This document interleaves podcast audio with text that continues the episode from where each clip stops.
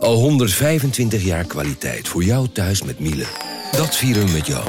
Ontvang nu tijdelijk een cashback tot 125 euro op veel Miele-apparatuur. Geniet van de kwaliteit van Miele. Voor perfect verzorgd wasgoed en kleding die veel langer mooi blijft. Voor een stralend schone vaat, even perfect als jouw diners. En een stofvrij thuis waarin echt hygiënisch schoon de standaard is. Check miele.nl voor alle feestelijke aanbiedingen. Hey podcastluisteraar. Ook op zoek naar een relevante invulling van je schaarse luisteruren? Tune dan in op de podcastserie ESG, even samengevat van BNP Paribas. Wij, Marloes en Aldert, spreken daar duurzame voorlopers en wereldverbeteraars. Waarover dan? Nou, bijvoorbeeld of we ooit duurzaam kunnen gaan vliegen. En waarom koeien in de stad nou een goed idee is? Dat en meer elke twee weken in een nieuwe aflevering. Dus abonneer je. ESG, even samengevat.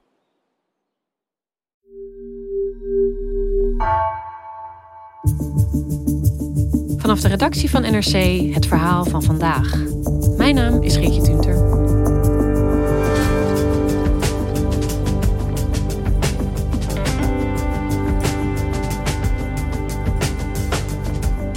Sociale mediabedrijven nemen steeds meer maatregelen om complottheorieën en misinformatie over corona de kop in te drukken.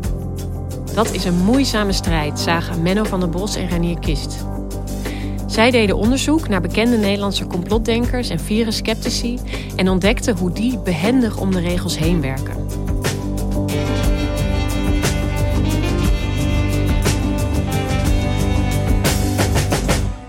Thierry Baudet is op het matje geroepen door Twitter. Ja, in een tweet van zondagavond schreef hij dat hij zich absoluut niet gaat laten vaccineren. Dit omdat het risico van het virus volgens hem volstrekt verwaarloosbaar is. Ja, die tekst die heeft Twitter nu bestempeld als misleidend en het kan niet meer geretweet of geliked worden. Ja, voor het eerst in Nederland zo'n specifieke waarschuwing er dan bij. Is dat een goede zaak? Ja, hebben de afgelopen periode hebben we techbedrijven natuurlijk ook opgeroepen. Het kan toch niet zo zijn dat zo'n platform gebruikt wordt om allemaal onzin uit te kramen zonder dat er een keer iets gebeurt. Menno, jij en uh, Reinier Kist hebben je de afgelopen maanden verdiept in online verspreiding van complottheorieën en misinformatie in Nederland. Hoe kwam je erop om dat te gaan doen? Afgelopen najaar had ik een interview met enkele onderzoekers van de UVA. Zij hadden bekeken hoe de complottheorie QAnon zich internationaal verspreid had. En kan je vertellen wat dat is, QAnon? QAnon is een beweging eigenlijk rond een theorie die stelt dat er een wereldwijde soort van schaduwregering heerst. Ook wel deep state genoemd. En daar zouden allerlei hoge politici en ook beroemdheden en Hollywood-acteurs in zitten. En die mensen zouden aan allemaal vreselijke uh, dingen doen. En niet alleen uh, de wereldbevolking onderdrukken en misleiden, maar ook bijvoorbeeld uh, kinderen misbruiken en zelfs hun bloed drinken om jong te blijven. Hm, dus hardcore complottheorieën. Behoorlijk. En het leek Reinier en mij interessant om dat ook in de Nederlandse context te bekijken. Dus we hebben aan de UvA gevraagd of ze ons wilden helpen met zo'n onderzoek.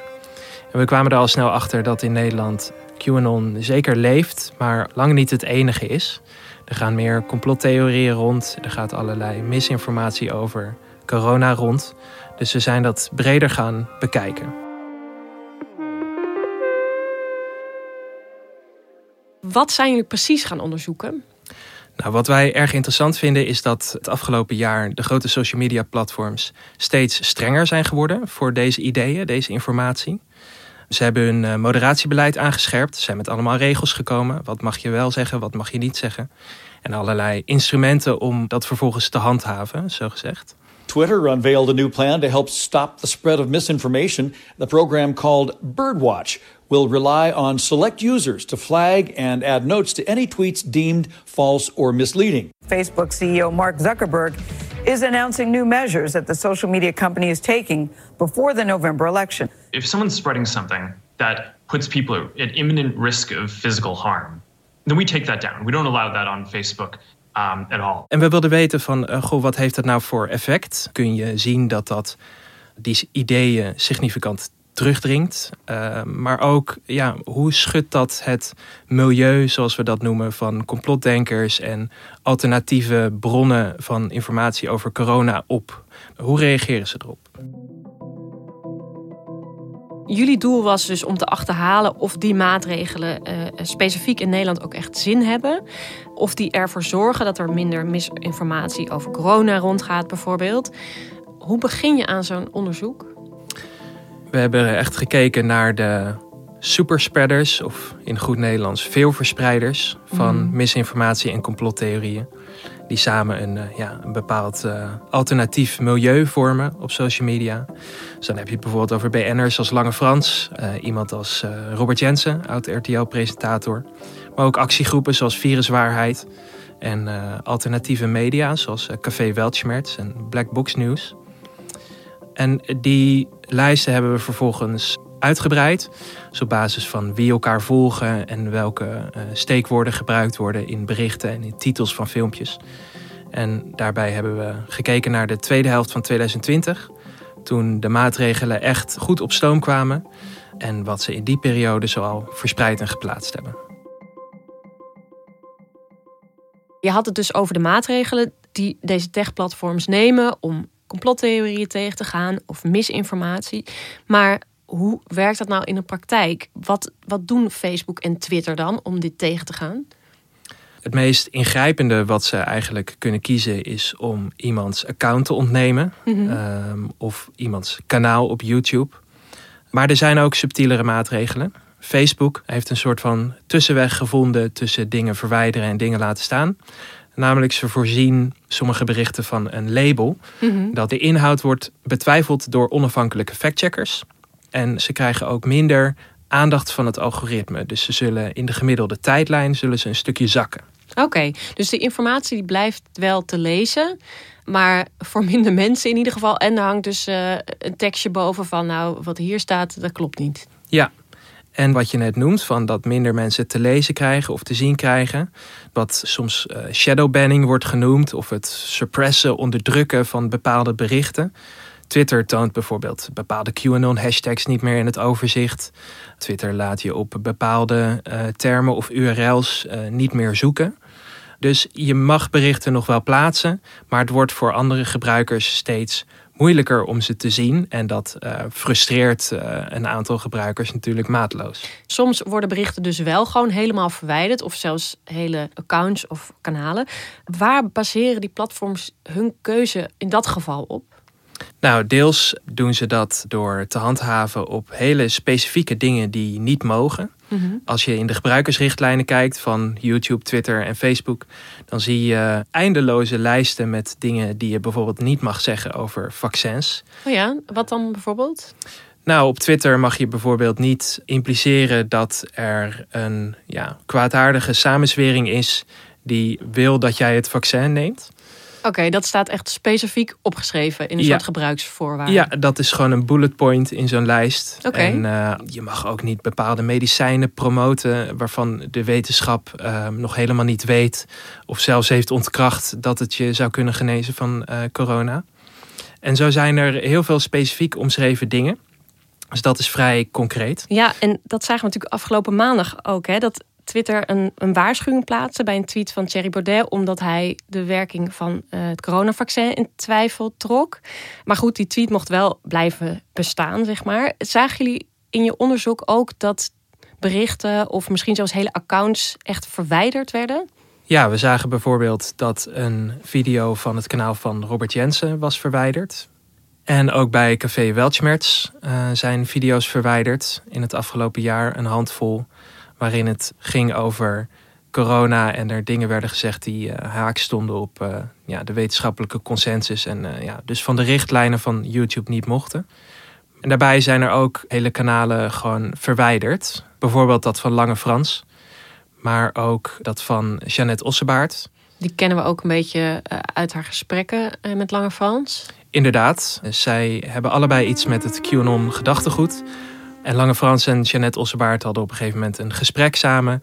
waarin ze fantaseerden over het vermoorden van uh, premier Rutte. Wat moeten we doen? Iemand doodschieten? Ja, ik ga het niet doen. Nee. Ik wil graag mijn karma schoonhouden. D dat Weet ook. je, dat is lekker... En ik kan goed schieten. Het is niet dat ik zou missen, nee, snap je? Maar nee, hè? begrijp wat ik Daar bedoel? ben ik helemaal niet duur in, nee. Nee, nee, nee. Ik, ik, het is niet dat ik dat niet zou kunnen. Het is alleen dat mijn hoofd zegt van... wacht Exact. even, ik hou van Weet die je? nachtrust. Dat deed nogal wat stof opwaaien. Dus die accounts zijn volledig verwijderd. En wat we ook zagen was dat uh, toen Twitter in januari van dit jaar tienduizenden accounts had verbannen die QAnon-ideeën aan het uh, verspreiden waren, dat daar ook honderden Nederlandse gebruikers bij zaten. Dus ook dat is een concreet voorbeeld van hoe een sociaal platform echt een soort van filter heeft aangezet, de stofzuiger heeft aangedaan en er een uh, hoop mensen uh, ja, nu niet meer die ideeën kunnen verspreiden. Wat je dan ook heel vaak hoort, is als je deze mensen uh, verwijdert van de gebruikelijke platforms, dan gaan ze een donker hoekje vinden op het internet waar ze al helemaal hun eigen gang kunnen gaan en waar dat misschien nog minder zichtbaar is. Hebben jullie dat gemerkt in jullie onderzoek? We waren daar inderdaad heel benieuwd naar. We hebben gekeken naar uh, twee van die alternatieve sociale media. De eerste is BitChute. Dat is een soort van tweelingbroertje van YouTube waar uh, alles wel mag en kan. En Telegram, uh, dat wordt veel gebruikt, opvallend genoeg, als alternatief voor Facebook, voor Facebook-groepen. En zag je inderdaad dat daar groeiende populariteit was voor deze twee uh, platforms? Ja. Zeker. Bijvoorbeeld op Telegram zien we dat het afgelopen jaar het aantal groepen waarin continu complottheorieën en misinformatie rondgaan, echt is gegroeid. Van de kanalen die wij konden vinden, waren ook de meeste de afgelopen maanden opgericht. En sommige hebben al meer dan vijf of tienduizend volgers verzameld in die korte tijd. Wat we wel merken is dat ze niet zozeer een vervanging zijn, die alternatieve social media. Ze zijn mm -hmm. geen vervanging voor wat we al kennen, hè, voor, voor Facebook, Twitter en YouTube. Maar ze zijn eerder complementair aan elkaar. En wat bedoel je dan precies? Een goed voorbeeld is uh, wederom Robert Jensen. Sinds een aantal maanden uh, heeft hij namelijk zijn strategie op YouTube veranderd. Hij heeft besloten om niet van YouTube weg te gaan door de censuur, zoals hij dat noemt, maar door YouTube op een andere manier te gaan gebruiken. In plaats van het plaatsen van video's van een uur of anderhalf uur, waarin hij zijn zegje doet en zijn hele verhaal als een idee verwoordt, plaatst hij nu een versie van maar een minuut of vijf.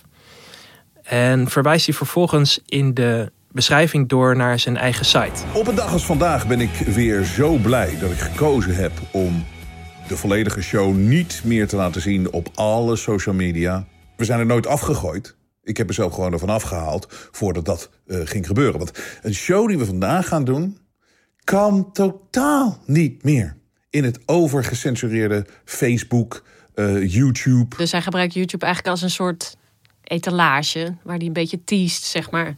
Inderdaad, uh, Café Weltschmerz doet dat ook. Ik heb daar ook over gesproken met de oprichter van Café Weltschmerz, Max van Krijveld. YouTube maakt het uh, Café Weltschmerz uh, lastig. Er zijn al een aantal afleveringen weggenomen. In de ranking worden we nauwelijks nog genoemd. En wat Weltschmerz doet om eromheen te gaan, dat is op bijna alle platforms uh, onze content te plaatsen.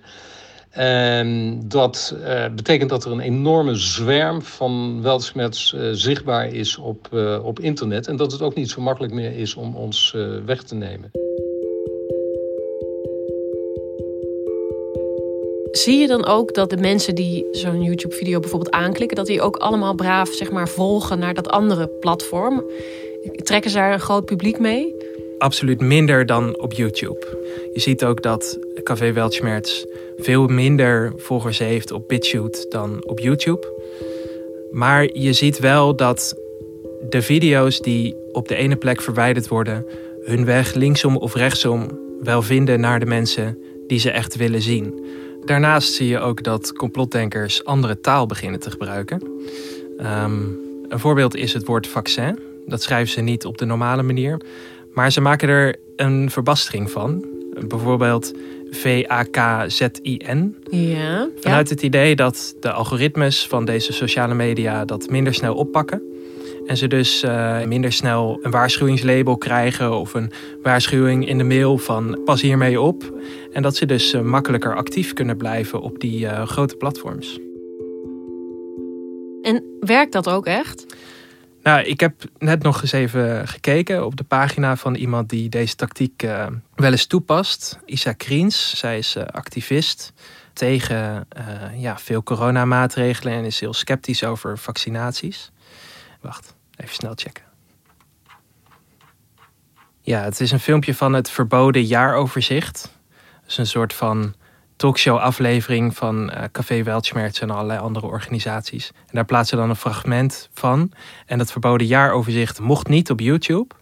En er wordt dan nu een fragment van op Instagram geplaatst. En daar zetten ze dan Vuxenitsi bij. Vuxenitsi. En dat is dus slimmer dan het algoritme in dit geval. Want dit is er niet tussen ja, uitgepikt. Hier is, dit is er niet tussen uitgepikt kijk, dat kan gewoon zijn dat Instagram hiervan gezegd heeft van nou, dit keer mag het wel of zo. Mhm. Maar er staat ook geen label bij, geen COVID-label met officiële overheidsinformatie. En dat komt bijna standaard bij elke post over corona te staan. Dus dat is in dit geval uh, ontweken.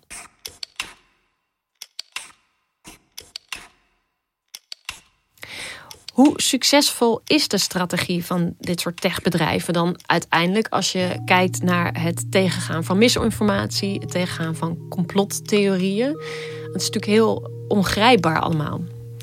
Ja, we zien dat er wel degelijk uh, veel gebeurt. Dus er worden bepaalde slagen gewonnen door de platformen. Facebook uh, heeft een tijdje geleden nog uh, cijfers vrijgegeven dat ze ehm, wereldwijd eh, meer dan 12 miljoen berichten hadden verwijderd die potentieel eh, schadelijke informatie eh, bevatten. Mm Dat is ook weer niet zo heel veel over de hele wereld, toch? Nee, het klinkt heel indrukwekkend, 12 miljoen. Maar als je bedenkt wat er dagelijks op Facebook wordt gezet, dan is het maar een fractie.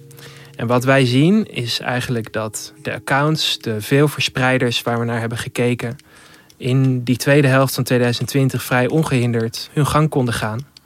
Als je bijvoorbeeld in de zoekbalk van Facebook de woorden corona en hoax intypt, dan krijg je ook uh, allerlei berichten die uh, veronderstellen dat uh, corona een verzinsel is, of dat cijfers worden overdreven, of vaccins niet werken en dat soort dingen.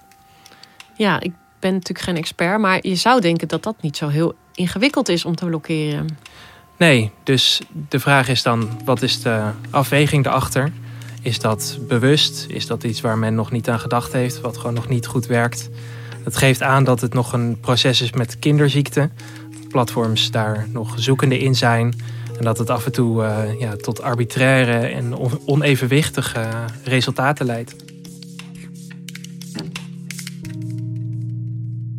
En wat mij dan ook heel ingewikkeld lijkt, is kijk, er is natuurlijk informatie die is gewoon onwaar. Dat is dan heel duidelijk. Dan kan je ook misschien een factcheck boven hangen of wat dan ook. Maar er is natuurlijk ook heel veel ja, grijs gebied.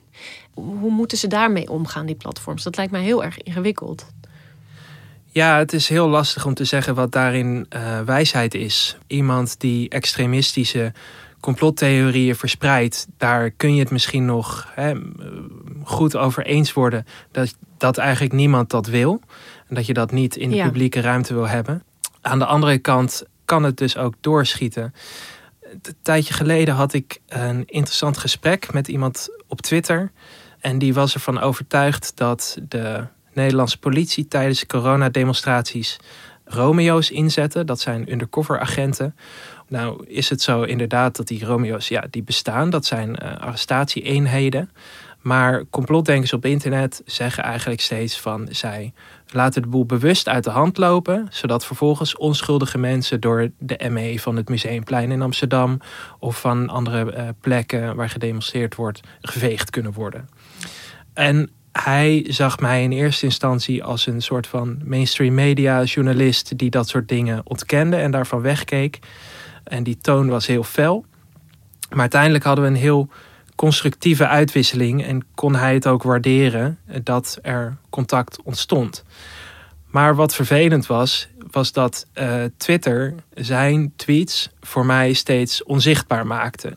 En dat is toch jammer, want daarin vindt toch dus een belemmering plaats van een uitwisseling van meningen, ook al word je het niet met elkaar eens, die uh, toch enigszins depolariseert. En op het moment dat je dus heel rukzichtloos allerlei eh, stemmen gaat onderdrukken en allerlei gesprekken onmogelijk gaat maken, er zijn ook wetenschappelijke aanwijzingen dat mensen daardoor kunnen radicaliseren. En dat kun je je ook wel voorstellen. Wat jullie onderzoek ook alweer bewezen heeft, en uh, ja, daar kun je ook wel iets bij voorstellen, dat dit soort informatie is eigenlijk toch bijna niet uit te roeien. Ja, we zien dat ondanks dat het dus op papier allemaal in elk geval best wel streng is geworden, dat de activiteit of het bereik van deze grote groepen uh, complotdenkers en alternatieve media uh, niet uh, significant daalt in, het, uh, in de tweede helft van 2020. Dus de platformen zouden daardoor kunnen denken van we gaan nog strenger ingrijpen. Wat weer alle risico's van dien heeft, zoals dingen ondergronds duwen, mensen in hun gelijk bevestigen of het, het vrije debat beperken. Ze hebben zich een bepaald doel gesteld om het anders te doen dan ze het jarenlang hebben gedaan. En de komende jaren gaan we leren hoe ver ze bereid zijn te gaan in het najagen van dat doel. Dankjewel, Menno. Geen dank. Je luisterde naar Vandaag, een podcast van NRC.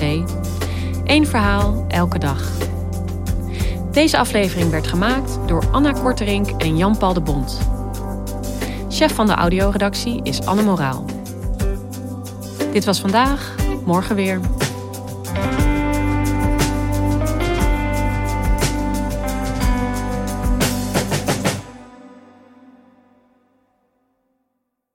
Technologie lijkt tegenwoordig het antwoord op iedere uitdaging. Bij PwC zien we dit anders. Als we de potentie van technologie willen benutten, kunnen we niet zonder een menselijk perspectief. Human-led, tech-powered noemen we dat. Ga naar pwc.nl.